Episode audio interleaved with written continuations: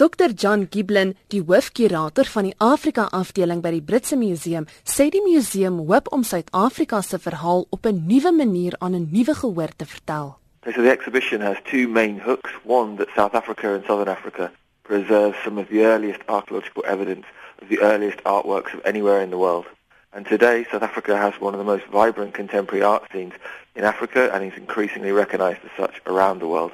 So we decided to tell the story of South Africa through art objects that links these very, very early artworks with the contemporary art of today. Stefan Hunt, die kurator van die Sanlam Kunsversameling en 'n kunsadviseur, sê hierdie uitstalling is 'n guldige geleentheid vir Suid-Afrika. Kyk, hierdie uitstalling is 'n uitsonderlike uitstalling vir vir die Britse Museum of British Museum soos dit bekend is. In die sin dat dit waarskynlik een van die eerste uitstallings is waar hulle tydperk van amper 3 miljoen jaar van 'n nasie se kuns probeer uitstal in een plek. Baie van die uitstallings wat hulle altyd gehad het oor die jare was redelik beperk in terme van periodes en gewoonlik baie oud historiese uh, uitstallings van argeologiese versamelings wat hulle gehad het. So dis nogal 'n groot stap aan na een kant toe vir hulle. En natuurlik vir Suid-Afrika is dit 'n 'n guldige geleentheid, maar ook 'n groot erkenning vir 'n land se se kuns wat tot dusver nou altyd gesukkel het om internasionale bekendheid te werk. Volgens Dr Giblin was die Britse museum baie liberaal met die keuse van die kunswerke wat uitgestal word. I think visitors can expect to see the one of the widest variety of art pieces in an art show at the British Museum. It's one of possibly the most diverse range of artworks that I've ever seen in a British Museum exhibition. So we have video installations, we have a very large three-dimensional sculptural and fashion work by Mary Sabande. We have large rock art panels. We have one million year old hand axe. There is pre-colonial sculpture from famous sites such as Schroeder, Leidenberg, and Mapungubwe. And then there's lots of paintings and two-dimensional works and other more obscure art objects perhaps. Um, we've been quite liberal with how what we've included as art, artworks throughout the exhibition. So a huge range of different types of artwork, archaeological, historical and contemporary. Hunt sê Suid-Afrika en Brittanje se gemeenskaplike geskiedenis speel heel waarskynlik 'n rol in die keuse van Suid-Afrika as tema. Ek kan my voorstel dat hulle natuurlik oorweeg waar hulle verhoudings gehad het of waar Brittanje histories was waar hulle regeer het ook en Suid-Afrika was 'n komponent van daai hele Commonwealth wat hulle geskep het so 3 200 jaar gelede. En in daai sin kan ek my voorstel hulle kyk na of probeer om 'n geheelbeeld te vorm van die wêreld waar Britse belange was op 'n stadium.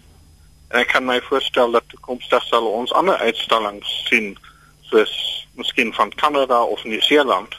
En ek dink daar's baie goed wat vergelykend kan wees in die ervaring van kolonie voormalige kolonie en hulle ontwikkeling van kuns. Volgens Hunt is Suid-Afrika en sy geskiedenis heeltemal uniek. Ons is soos hulle sê the cradle of mankind en in sin kan geen ander land dieselfde tipe materiaal verskaf nie.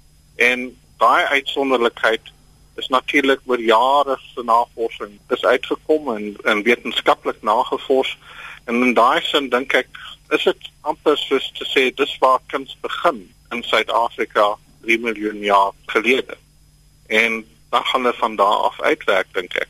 En dis ek dink dis 'n goeie rede dat vir hulle so belangrik is. Maar ook die Britse museum sien dit sien hulle self as 'n universele museum. Dan met woorde nie noodwendig nasionaal geskep vir Britse belange nie, maar vir vir wêreldbelang. Verskeie onbekende kunstenaars van honderde en selfs duisende jare gelede se kunswerke word ook uitgestal. Van die 20ste en 21ste eeu kunstenaars wat ook aan die uitstalling deelneem, sluit in Willie Bester, Karel Nel, Jackson Klungwani, Lionel Davis, William Kentridge, Willem Boshoff en Mary Sibande. Die spotprent kunstenaar Zapiru sê hy voel geëerd dat die Britse Museum hom genooi het om aan die uitstalling deel te neem. Well, when the curators asked me, I was a kind of a no-brainer for me uh, to be included in something like this that really seems to reassess what art is in this part of the world and, you know, and generally. It's fantastic to be included in that. And I think they're thoughtfully reassessing what art is here. They've, they've included things like a, a pebble, a three million year old pebble with facial features etched into it. They've got Zulu spears, that sort of thing. So they have really from different people's perspectives and much further back than some of the earlier exhibitions of this sort might have done. You know, also to have been invited to be included as, as a cartoonist, it's fantastic to feel that my kind of art or communication is seen as important in that way. Zapiru vertel meer oor sy kunswerk wat by die uitstalling te sien is. The main thing is the UDF, the United Democratic Front calendar poster that I did at the end of 1986. Uh, it's labeled UDF 1987 Forward to People's Power. And it shows the kind of vibrancy of the anti-apartheid movement, especially in Cape Town, because that's where I was I've always based. That's where I've always been based in this country. And it's got a, a real Cape Town scene with Archbishop Tutu in the center leading a march and Alan Bussack and Fatima Mir inside a, a hall with police in the Caspers and the army outside and all kinds of little visual jokes, some real people and some generic people, the typical blocks of housing units um, of the Cape Flats.